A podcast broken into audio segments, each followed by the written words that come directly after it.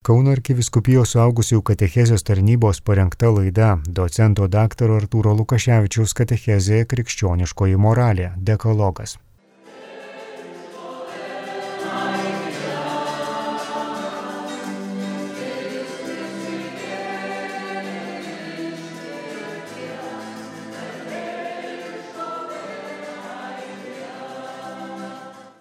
Šiandien mūsų tema yra moralė ir dekalogas. Ir pradėsiu skaitiniu iš pakartotų įstatymo knygos.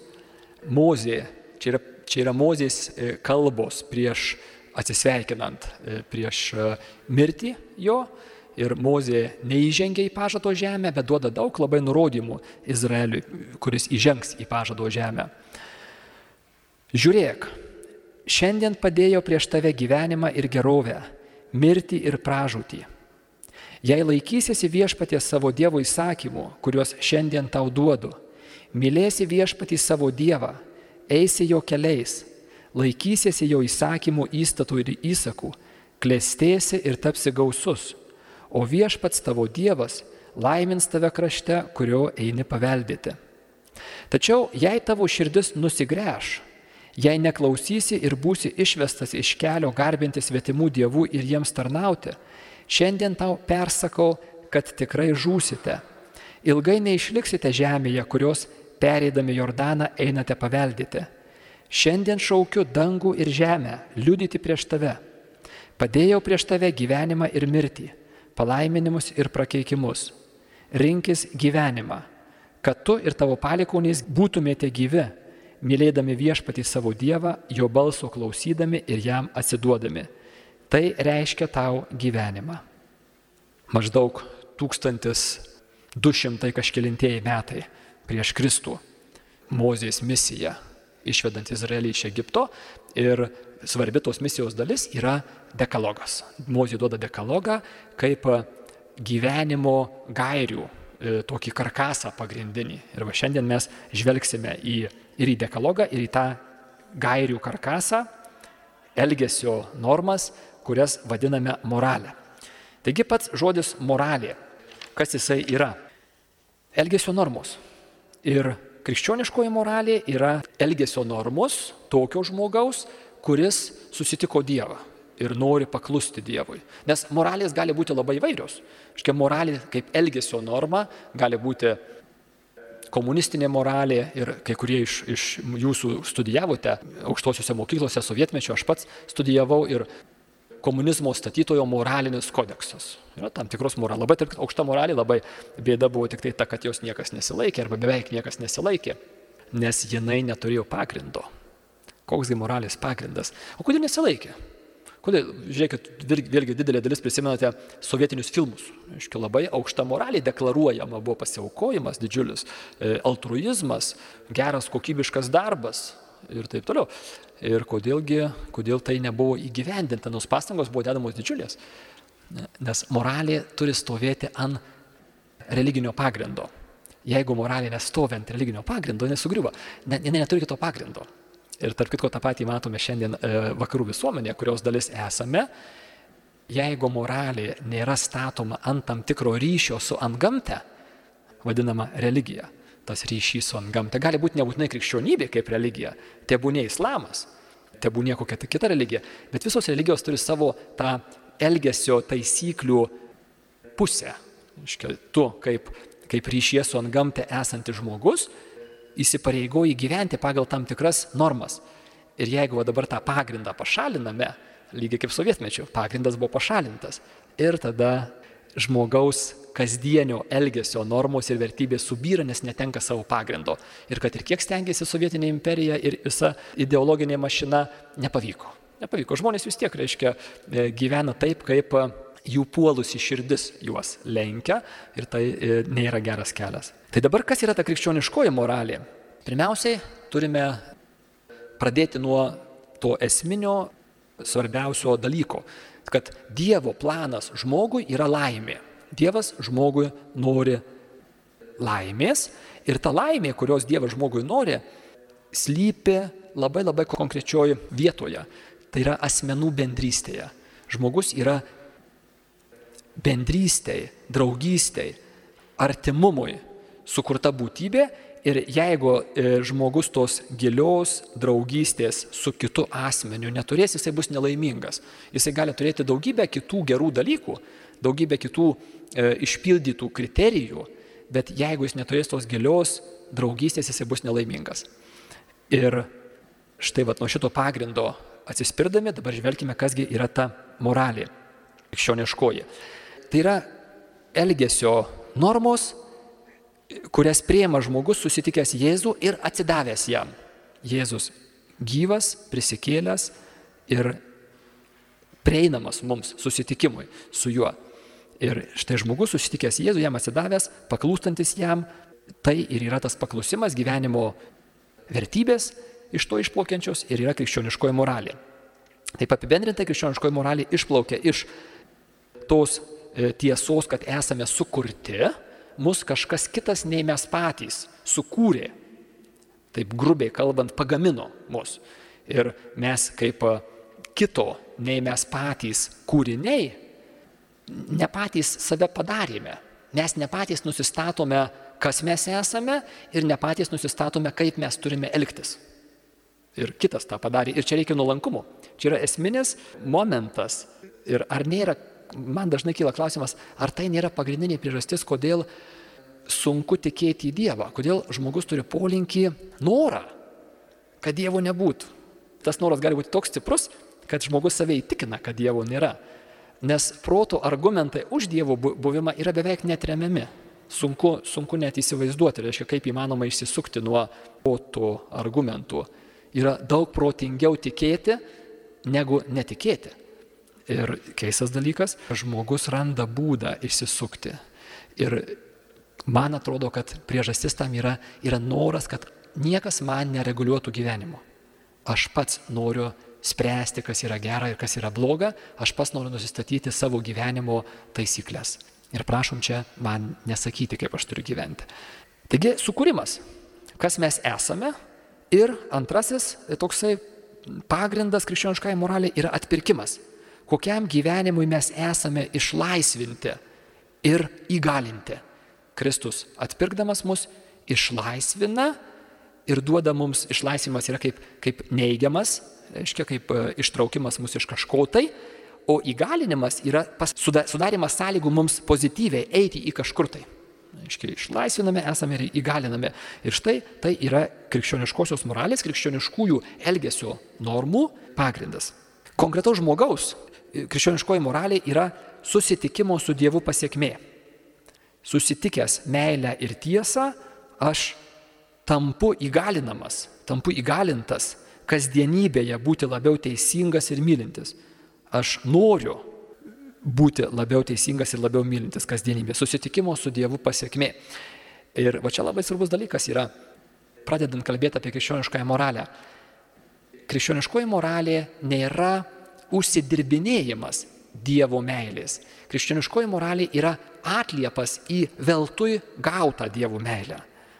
Ir štai vienas, viena iš didžiausių pagundų mums visiems yra apversti dalykus aukštinkojomis. Nes mes norime užsidirbti Dievo meilę. Kodėl? Todėl, kad aš nenoriu būti skolingas niekam. Tai yra mano puikybė vėlgi. Aš noriu viską savo darbu užsidirbti, kad nebūčiau niekam skolingas. Ir čia vat, yra vyresnio sūnaus e, dilema iš sūnaus palaidūno palyginimo. Prisimena tas, tas e, sažiningas, e, sunkiai dirbantis vyresnysis sūnus. Ir tame dramatiškame susitikime su tėvu, po to, kai tėvas išskistom rankom prieima jaunesnį palaidūną sūnų, atsidengia visa vyresnio sūnaus širdies tamsybė. Jisai pilnas pykčio, pilnas tokio susierzinimo, daugybę metų augusio tenais, nes jisai taip gerai dirbo. Ir, ir paaiškėja, kad e, jo padėtis yra labai liūdna. Jisai yra labai labai toli nuo tėvo, nors neišėjo fiziškai iš jo namų. Jisai nepažino tėvo meilės. Tai čia yra tas momentas, kur mes norime per savo moralų, teisingą elgesį, užsidirbti Dievo meilę, užsidirbti dangų iš esmės. Ir, ir čia pagunda kiekvienam iš mūsų, visi esame tame įklimpę, čia yra puolusio žmogaus nuopolio esmės e, labai svarbi dalis. Mes, mes dedamės pliusiukus ir e, tikimės paskutinėje dieną prie dangaus vartų pateikti sąskaitą. Matai, tu man skolingas dangų. Ir tai būtų labai labai didelė klaida. Ne. Mes niekada neusidirbsime dangaus. Bet tam reikia nuolankumo. Taigi, krikščioniškoji moralė yra ne Dievo meilės užsidirbinėjimas, bet į atsiliepimas į nenupelnytai gautą Dievo meilę. Tas dėkingas e, savo nevertumo supratimas ir pripažinimas ir atsiliepimas į dovaną, kurią aš gavau, nors visiškai nebuvau vertas ir nesuvertas. Taip pat krikščioniškoji moralė nėra vien mano pastangos teisingai gyventi. Mano pastangos yra būtinos ir reikalingos ir tai yra dalis e, krikščioniškosios moralės, tačiau mano pastangos turi visą laiką būti paremto žinojimu, kad savo jėgomis aš negaliu, neišpildysiu šitų reikalavimų, jie yra per sunkus man. Krikščioniškoji moralė visą laiką yra e, atsiliepimas į Dievo veltui teikiamą malonę. Malonė yra pirmiau už pastangas, už mano pastangas. Labai svarbu žodis malonė. E, ir mūsų e, teologiniam žodinė, ir šventose mišiuose pastoviai girdime žodį malonė. Kas yra ta malonė? Malonė yra neužpelnyta dovana. Pagal savo etimologiją ta žodis reiškia neužpelnyta dovana. Pag... O kaip dabar toliau, aiškinantis, ką jis reiškia? Tai yra pagalba gyventi laimingą ir pilnavertį gyvenimą. Dievo pagalba, kad mes būtume laimingi ir gyventume pilnavertį gyvenimą. Neužpelnyta malonė, jinai yra duodama veltui žmogui, tačiau žmogus malonės atžvilgiu turi būti ne pasyvus, bet receptyvus, priimantis. Receptyvus tai reiškia priimantis. Ir tame yra aktyvumas. Stebėkite, kartais žmonės, reiškia mes dažnai matome tokius dvi galimybės. Arba aš esu aktyvus, aš darau, arba Dievas, tarkime, daro ir aš esu pasyvus. Ne, dažniausiai aš turiu būti aktyviai priimantis. Bet priimantis. Dievas inicijuoja, aš atsiliepiu. Aš nesu pasyvus. Tai su malonė yra tas pats.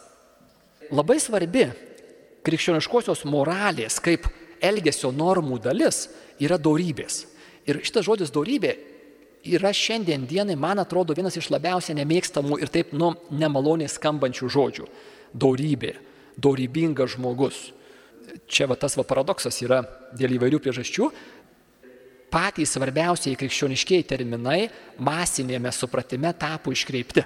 Ir žmonės tokie žodžiai kaip meilė, laisvė, dorybė, skaistumas yra neteisingai suprantami ir, ir labai iškreiptai suprantami. Tai va, žodis, žodis dorybė yra vienas iš tokių žodžių ir labai reikia mums atitaisyti savo sampratose šituos žodžius, nes kitaip mes išgirdę žodį dorybė arba kitą žodį duosiu Dievo baimė, pamaldumas. Aš universitete kartais klausiu studenčių, ten didžioji dalis yra merginų ir aš sakau, štai, ar norėtumėte ištekėti už pamaldaus ir labai dorybingo vyro? Ir jos šypsosi. Na, sako, nu, jeigu galima, gerai būtų, bet kad ne per daug. Ne, ne per daug, nes reiškia, ką reiškia labai dorybingas, truputį kuoktelės turėtų būti toks, žinot, pavažiavęs. Ir jeigu dar labai pamaldus, tai irgi toks tikriausiai poetas ir, ir kažkaip tai ne, ne, ne šiam vietą gyvenantis. Neteisinga samprata.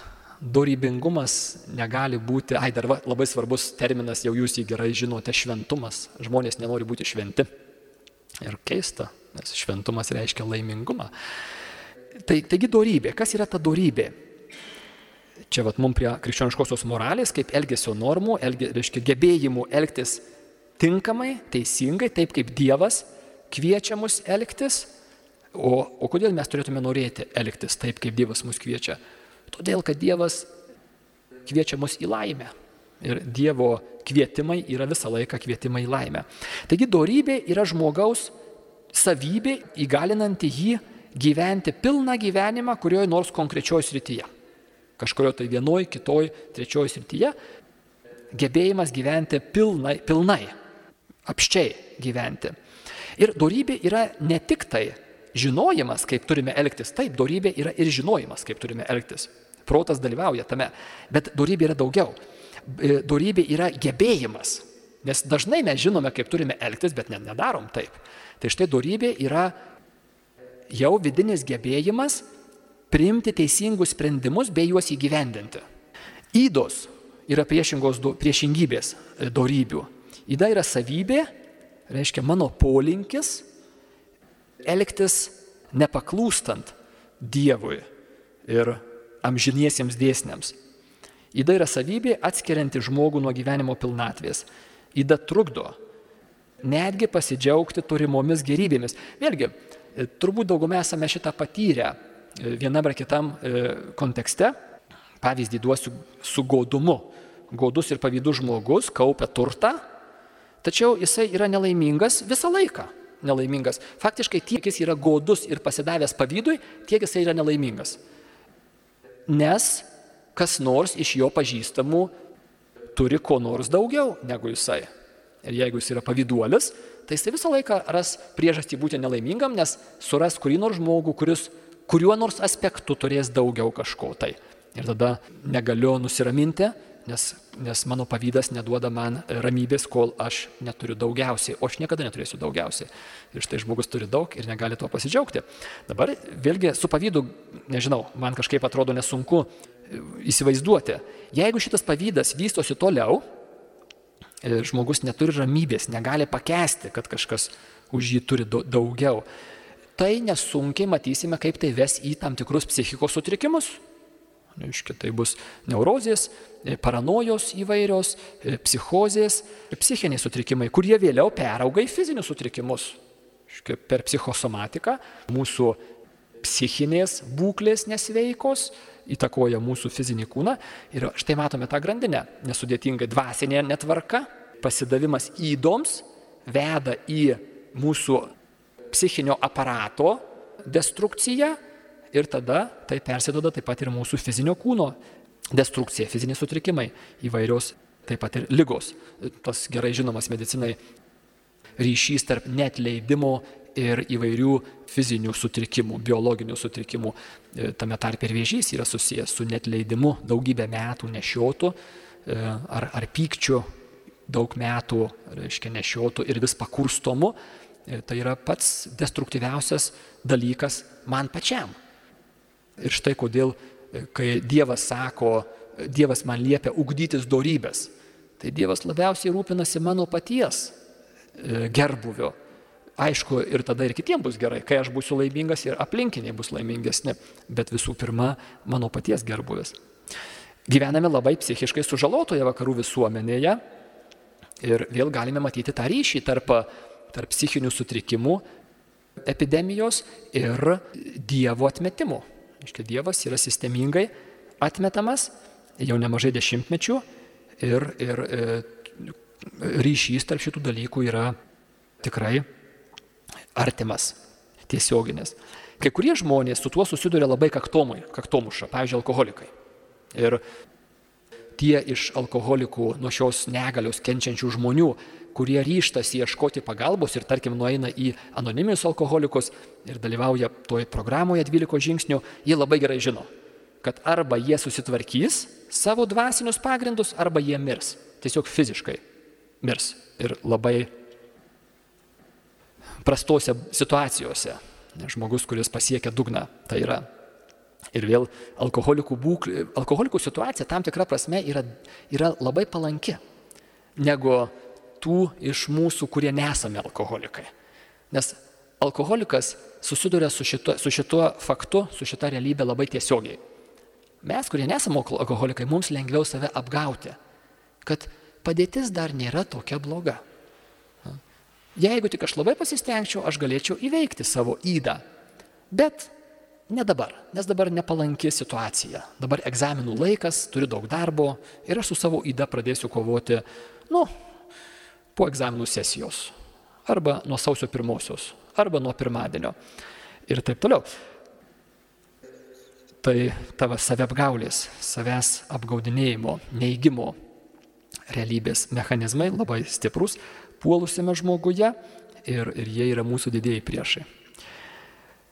Kokios tos vidinės savybės, tos struktūros žmogaus psichės, sielos, graikiškai žodis siela, e, lietuviškas žodis siela, graikiškai yra psichė, e, tos psichinės struktūros, e, padedančios žmogui gyventi pilną gyvenimą.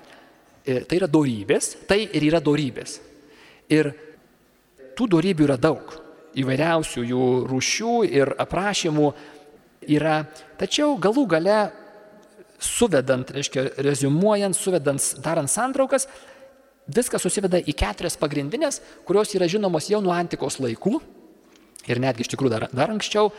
Kitose religijose yra jos tos pačios, tiesiog nieko naujo visiškai, atidus žvilgsnis į žmogų, ar tai bus e, graikų filosofai, ar tai bus e, visai Indijos, hinduizme išminčiai, guru, ar kažkur tai kitur, duoda tą patį rezultatą yra keturios savybės, kurias mes vadiname klasikinėmis dorybėmis arba kardinaliosiomis dorybėmis.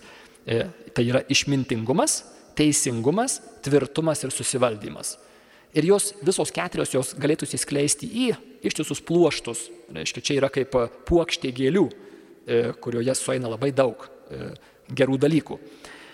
Ir kartais man atrodo, kad toksai apibendrinimas e, padaro tas dorybės tokias šiek tiek sunkiau suprantamas ir gal kiek nepatrauklias. Man taip asmeniškai buvo, aš nors jau buvau krikščionis daug metų, bet man tos kardinaliosios arba žmogiškos dorybės visą laiką būdavo tokios truputį sausos. Nu, išmintingumas, tvirtumas, susivaldymas, teisingumas, kažkaip, tai, kažkaip to patrauklumo tame, tame nėra. Ir aš e, prieš nemažai metų, gal kokį dešimt metų, vieną knygą perskaičiau apie va šitas va keturias dorybės. Ir ten buvo gerai parašyta. Ir aš pirmą kartą gyvenime labai labai užsimaniau išmintingumo. Nes išmintingumas yra ne šiaip buvimas tokiu nuprotingu, apsiskaičiusiu, išmintingu. Išmintingumas yra nuolankumo rezultatas. Aiškiai, išmintingumas yra gebėjimas matyti dalykus tokius, kokie iš tikrųjų yra.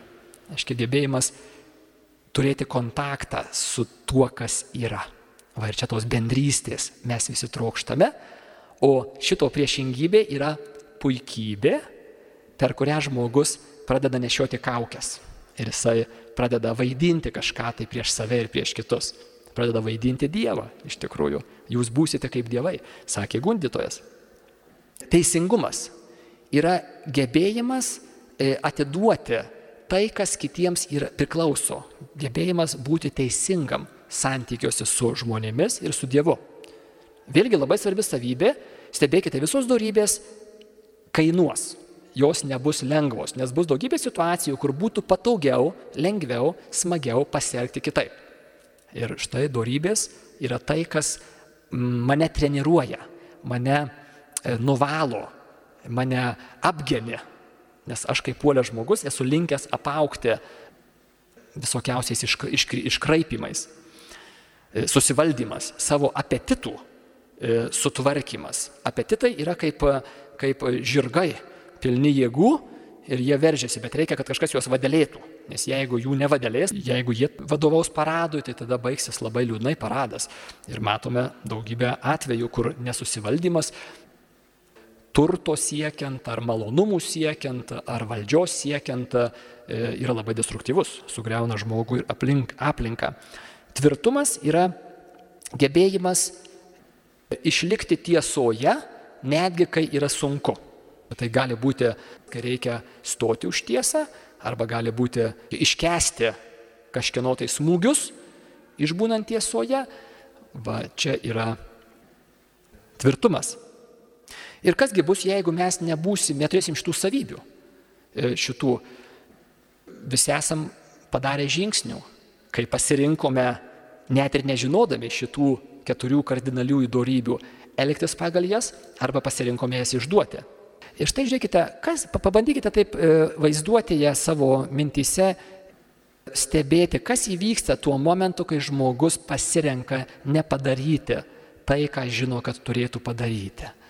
Kažkas numiršta manyje, kažkas tai nutrūksta manyje ir, ir aš tampu labiau lavonas.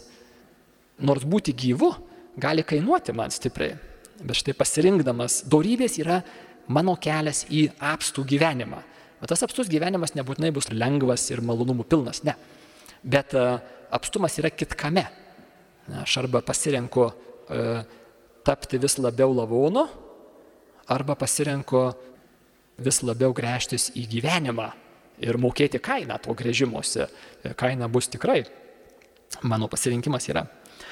Šitos keturios kardinaliosios darybės yra pasiekiamos žmogaus pastangomis per savidiscipliną. Mes galime tai įsiugdyti savyje. Ir jos yra nekas kita kaip sveikos asmenybės pagrindas. Iškiva ta sveika asmenybė, ypatingai psichė, ta psichinė struktūra, e, štai čia yra jos pagrindas. Ir psichologija, kuri rūpinosi 20-ojo amžiaus antros pusės e, žmogaus psichinė sveikata, užtruko gerokai virš pusės šimto metų, kol tą suprato. Freudas ir, ir kiti ankstyvieji psichologai tik dalinai kalbėjo apie tai.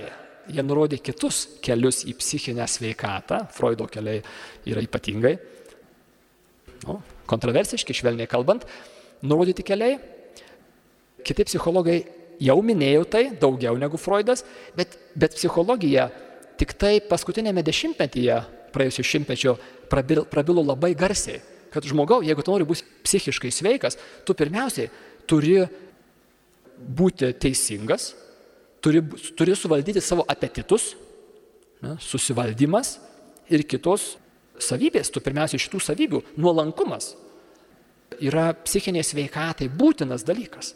Yra. Ir vėlgi labai įdomus dalykas, man buvo, kai nedidelį tokį tyrimą neseniai pamačiau ir buvo išvardinta visa eilė savybių ir nuolankumas buvo mažiausiai pageidautina savybė. Labai keista. Žmonės tikrai nežino, ką tai reiškia.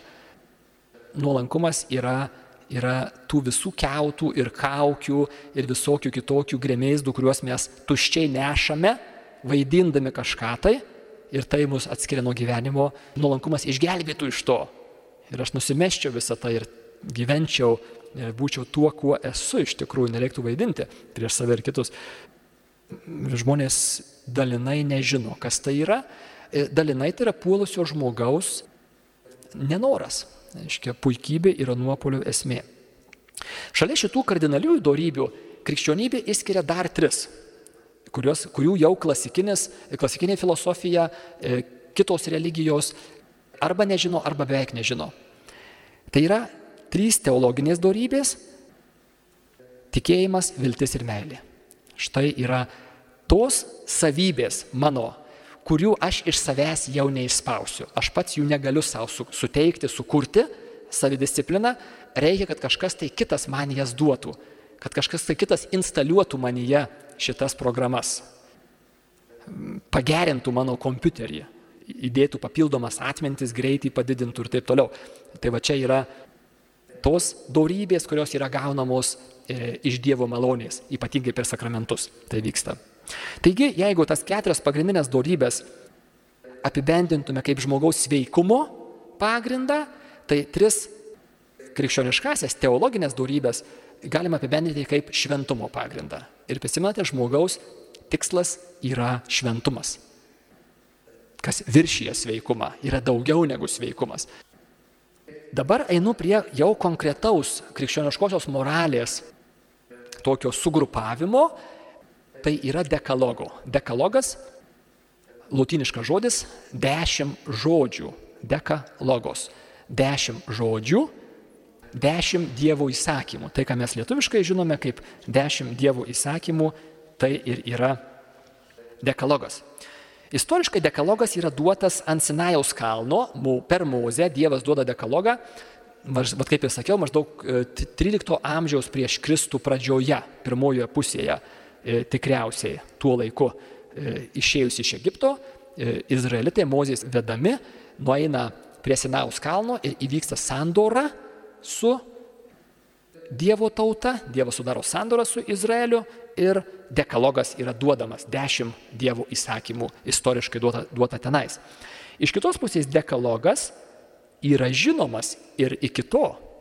Dekalogas yra įrašytas žmogaus širdyje, vadinamasis prigimtinis įstatymas ir jisai yra žinomas ir iki Mozės kitose religijose, e, jisai yra žinomas ir po Mozės tose kultūrose, kurios neturėjo sąsajos su Izraeliu, jis yra žinomas. nes jis įrašytas mūsų prigimtyje. Iškia, tai, kad reikia nevokti, nemeluoti, tvarkyti, sutvarkyti savo lytiškumą, būti teisingu, yra žinoma, nereikia, tai reiškia, tai, tai buvo žinoma ir iki Sinajaus e, sandoros. Tada iškyla klausimas, kodėl Dievas tai apreiškė prie Sinajaus, jeigu tai buvo iki tol irgi žinoma. Taip, tai buvo žinoma. Tačiau dėl nuopuolio, dėl to, kad žmogus yra nupuolęs, žmogaus galios įvairios yra susilpnėjusios. Protas aptemęs, valia nusilpusi, emocijos susipainiojusios, sumišusios. Ir žmogus neižvelgia dalykų aiškiai.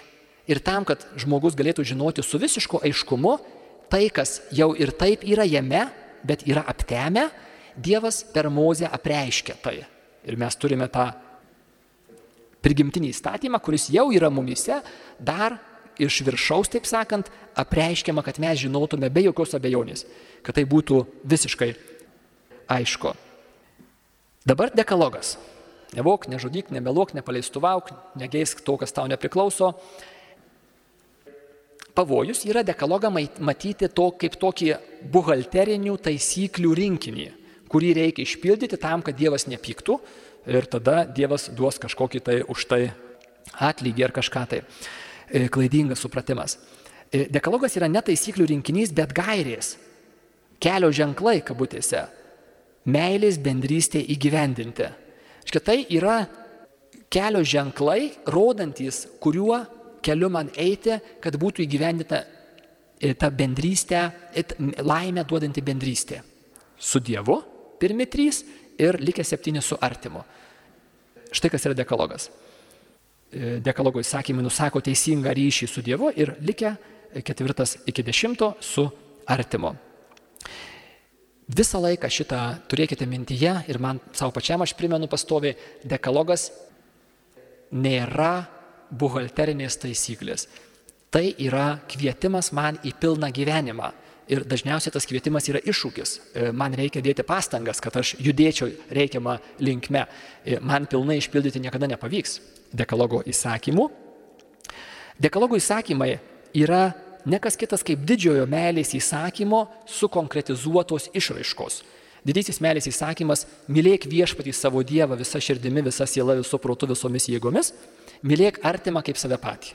Va čia yra didysis įsakymas ir tada, o ką tai reiškia mylėti Dievą, o ką tai reiškia mylėti artimą, jau konkretizuojama per šituos dešimt Dievo žodžių. Iš kitos pusės pastebėkite, kad vien vykdydami dekalogo įsakymus mes meilės įsakymo neįvykdysime. Ypatingai ketvirtas, nuo ketvirto iki dešimto įsakymo - nežudyk, nemeluok, nepaleistuvauk - yra neigiamo pobūdžio įsakymai. Kitaip sakant, ko man nedaryti.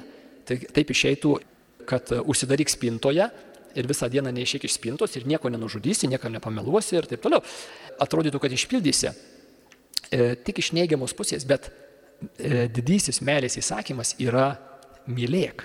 Dievą mylėk artimą, kas reiškia ne e, neigiamą, nedarimą kažko, bet teigiamą darimą kažko. Pozityvas, aktyvumas yra meilės įsakymas. Taigi dekalogas yra, turi svarbę labai e, reikšmę, tačiau krikščioniškoji moralė yra daug daugiau negu dekalogas.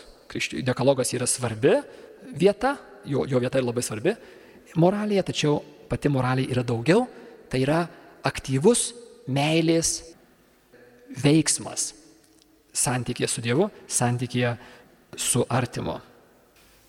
Ir užbaigsiu apžvelgdamas su jumis dekalogo pirmuosius tris įsakymus. Pirmieji trys įsakymai tai yra tie, kurie reglamentuoja mano santykių su Dievu, nurodo, koks turėtų būti mano santykis su, su Dievu ir dekalogo reikalavimai turėtų būti suprasti ne kaip e, kažkas tai, nu, ko aš neišpildau ir dėl to būsiu nubaustas, bet kaip kvietimas, tas pozityvas, kvietimas į apstesnį gyvenimą. Nes taip, kaip puolę žmonės mes jo neišpildome ir kai puolę žmonės mes net nepaėgėme jo išpildyti. Ir kai, net, kai nepaėgiu jo išpildyti, o noriu ir stengiuosi ir bandau, įvyksta labai svarbus dalykas. Tada aš suprantu, kad man reikia Dievo. Va čia yra pati svarbiausia gyvenimo pamoka. Ir kartais Dievas palieka e, mums e, savybės, kurių mes nenorime. Ir, ir, reiškia, ir, ir e, mes kovojame ir prašome, kad, kad Dievas padėtų, nuimtų kokias nors savybės ir kartais Dievas nuima, bet kartais palieka. Ir tada galim, galim galvoti, nu kodėl. Viena, vienas iš atsakymų yra tas, kad aš nepamirščiau, kad man kiekvieną sekundę reikia pagalbos ir jeigu aš tik tai tos, tai pagalbai neatsiversiu, jeigu aš jos neprimsiu, aš nepajėgsiu padaryti to, ką turėčiau ir norėčiau padaryti. Tai mano ugdo nuolankumą. Ir kai kurios iš tų savybių mano e, Dievas palieka įdas e, kai kurias tam, kad aš kovočiau su jomis, nepasiduočiau, kovočiau, e, tačiau pergalę, pergalę jisai nukelia. Nežinau, ar į amžinybę, ar kada nors gyvenime čia tai įvyks, bet mano reikalas yra kovoti, nepasiduoti. Dievo reikalas yra, kada jisai duos tą pergalę. Taigi dekalogo įsakymai. Pirmas įsakymas - neturėk kitų dievų, tik mane vieną. Jisai kviečia mus gyventi pagal tiesą, kad yra tik vienas Dievas. Iškia, tik tai viena būtybė, kuri yra verta Dievo vardo. Yra. Ir štai mano gyvenimas turėtų būti nukreiptas, kreipiamas pagal šią tiesą, kad tai yra tik tai vienas Dievas. Ir kviečiamas esu kad Dievas būtų pats svarbiausiasis mano gyvenime.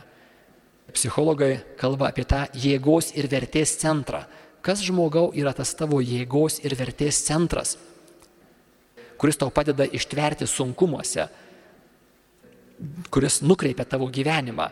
Tai krikščionys ir šventas raštas kviečia, kad tai būtų Dievas. Nes iš tikrųjų vien, jis vienintelis yra vertas to. E, žmogus yra, yra pajėgus atpažinti Dievą kaip Dievą ir priimti jį kaip Dievą. Ir štai tas, tas ta pagrindinė vertybė mano gyvenime. Daug kitų vertybių yra, gerų ir reikalingų. Šeima, tėvynė, tauta ir jos yra labai geros. Bet jos yra per mažos, jos vis dėlto yra mažesnės už Dievą. Jos yra ribotos ir jeigu žmogus padaro šitą vertybę savo tuo pamatu, tuo jėgos ir vertės centru, bus laikas, kai šita vertybė sugrius ir nusivilsi tuo pamatu. Tai mes esam kviečiami patį Dievą pastatyti į savo gyvenimo centrą. Su šiuo įsakymu dekalogo yra susiję tos trys krikščioniškosios arba teologinės darybės - tikėjimas, viltis ir meilė. Ir aš tada, kai aš šiomis darybėmis e, gyvenu, aš e, judu link šio dekalogo įsakymo išpildymo. Dabar nusižengimai. Šiam, aišku, samoningas ir valingas ateizmas būtų arba judėjimas, kreipimas save link ateizmo būtų šio dekalogo įsakymo nusižengimas jam. Tačiau tai yra visai kas kita negu ateizmas, dėl kurio žmogus nėra kaltas. Jeigu jisai tikrai kruopščiai ištyrė savo sąžinę, savo, reiškia, žinias, supratimą ir jisai sažiningai priejo prie išvados, kad Dievo nėra. E, dėl, dėl, ar tai dėl auklėjimo, ar tai dėl, pavyzdžiui, blogų pavyzdžių, e, iš krikščionių pusės tai gali įvykti, šitie dalykai tai žmogus nėra kaltas dėl to. Bet ta riba tarp kada mes esame kalti, kas ne, čia yra sudėtingas tik mum patiem ir Dievų žinomas dalykas iš laukų pusės neina pasakyti, kad čia ateizmas yra, reiškia, samoningai pasirinktas, o, o štai čia yra žmogus dėl to nekaltas. Ir kaip tokia dalinė forma ateizmo yra užsispyrimas nepripažinti kai kurių tikėjimo tiesų. Aiškiai, žmogus e, dalį tikėjimo atmeta. Tai čia tokios suprantamos nusižengimo formos šiam įsakymui. Tačiau dažnai žmonės ne, nežino ar nepastebi, kad šiam pirmajam įsakymui taip pat nusižengėme per prietarus. Prietarai yra tam tikras iškrypęs ir nesveikai padidėjęs religingumas, kur tam tikra dvasinė prasme suteikiama visai nereikšmingiems ir, ir menkiems ir nevertiems dalykams prietarai, gali būti ten visokiausi maginiai prietarai arba gali būti net krikščioniškas išorinės išraiškas įgavę prietarai, dažnai jie būna susiję su įvairiais neurotiniais neramumais, baimėmis, žmogui būtinai reikia reiškia, ten kokį nors e, religinį veiksmą atlikti, kitaip jisai jaučiasi nesaugus, ne, neramus, ar, ar, ar, ar tai gali būti nekrikščioniškas, spjauti tris kart per petį, nepabelsti į medį ir panašus visi tokie vat, veiksmai, kurie gali būti jau visiškai folkloras ir neturėti jokios dvasinės prasmės, bet, bet dažnai tas folkloras yra susijęs su tam tikrais e, dalykais viduje, su tam tikrom maginėm baimėm. Tai va tas prietarai, kuris labai toksai platus, džiunglės, tokios religingumo su, su, išsikraipiusio ir, ir įsipūtusio ir nesveiko religingumo džiunglės. Būtų kas būtų e, ateizmo, reiškia, kita pusė. Ateizmas yra nukreipimas į vieną pusę, tai, tai nukreipimas į tą nesveiką religingumo e, išsikraipimą būtų prietarai. Šiandien Lietuvoje labai paplitusios yra įvairios maginės e, praktikos, kaip ateities būrimas, delno būrimas, ateities visokiausios spėjimo formos, va čia būtų irgi nusižengimas, visas, visas tas okultinė, okultinė ta gausa pasiūlų, kurias mes šiandien turim būrimo salonai, įvairiausios ekstrasensų paslaugos, būtų nusižengimo, dažniausiai tai būtų vėl nusižengimo šiam pirmajam dekalogo įsakymui formos. Horoskopai patektų į šitą patį, pačią kategoriją. Iškiai tai yra faktiškai valdžios ėmimas ant gamtiniam pasauliu. Aš bandau imti valdžią per maginės formulės, tai sričiai, į kurią man Dievas liepia neįti, kuri yra faktiškai Dievo sritis. Ir aš sakau, ne, ne Dieve, aš tavim nepasitikiu ir aš turiu kontroliuoti šią sritį. Antras dekalogo įsakymas - netark Dievo vardo be reikalo. Kodėlgi dabar Dievas taip griežtai reglamentuoja? jo vardo naudojimą, nes vardas reiškia asmenį. E, ir pastebėkite, mes labai gerai tą žinome. E, jeigu kažkas tai pasišaipė iš pavardės, ypač vaikai, kai prasivardžiuoja, ten vardą arba pavardę iškraipo, tai tas, kurį pravardžiavo, jisai sako, tu mane įžeidai. Bet palauk, aš ne tave, aš tik tavo vardą įžeidžiau. Vardas ir asmuo yra labai artimai susiję. Ir už tai, rodydami pagarbą vardui, Dievo vardui, žmogaus vardui, mes rodome pagarbą e, pačiam asmeniui, Dievui arba žmogui. Kadangi Dievas vertas didžiausios pagarbos ir meilės, jo vardas, Dievo vardas taip pat yra vertas didžiausios pagarbos ir meilės. Šį įsakymą vykdome Dievą minėdami kalboje pagarbiai, maldoje ar pokalbėje tinkamai, reiškia su pagarba, taip pat ir Jėzaus, Marijos, šventųjų vardus minėdami pagarbiai šiam įstatymui paklūstame. Nusižengėme, kai Dievą ir Jėzų Mariją šventuosius minime kalboje e, juokais ar priežodžiu, ar dar blogiau vietoj keiksmažodžio. Deja, tai taip pat e, tampa įpročiu ir dažnai žmogus, e, reiškia, net ir keikteli štai tokiu būdu. Trečias įsakymas - švesk sekmadienį. Senajame testamente yra šabas.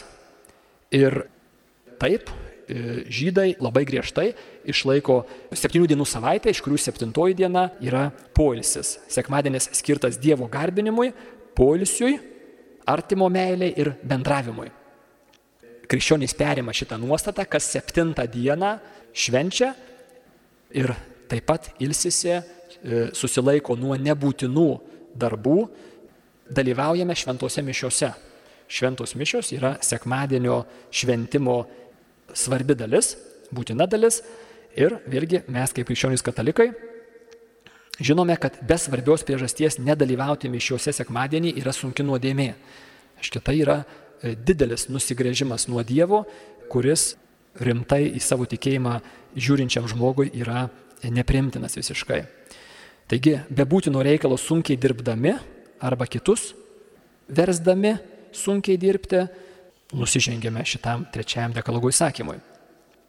Tai štai pirmieji trys dekalogo įsakymai, reglamentuojantis mano santyki su Dievu, jie yra ir turėkime mintį vėlgi, tai nėra buhalterinės taisyklės, tai yra man kvietimas aukti, kvietimas žengti toliau. Į tą kvietimą aš galėsiu atsiliepti tik tai tada, jeigu aš e, priimsiu pagalbą. Savo jėgomis aš negalėsiu to padaryti, o jeigu kokioje tai srityje ir pavyks man padaryti pažangą, tai ta pažanga toj srityje dėja paaugins mano puikybę, kad aš pats tą padariau. Ir už tai Dievas labai dažnai mums neduoda pažangos padaryti, kad apsaugotų mus nuo šito. Kad mes matytume, jog visa pažanga yra jo pagalbos pasiekmė. Mano reikalas yra tik tai įdėti savo ranką į savo vaikišką ranką į dangiško tėvo delną ir leistis jo vedamam per gyvenimo gyrę sunkę. Viską, ką mes pasiekime, pasiekime ne savo jėgomis, bet su Dievo pagalba, kurią vadiname malonę. Ačiū uždėmesį.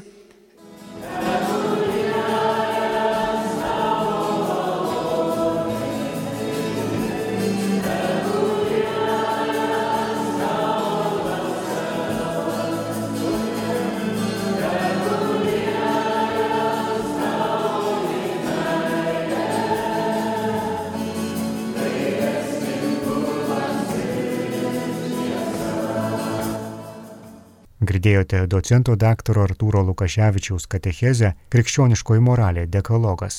Kauno arkiviskupijos augusių katechezės tarnybos parengta laida.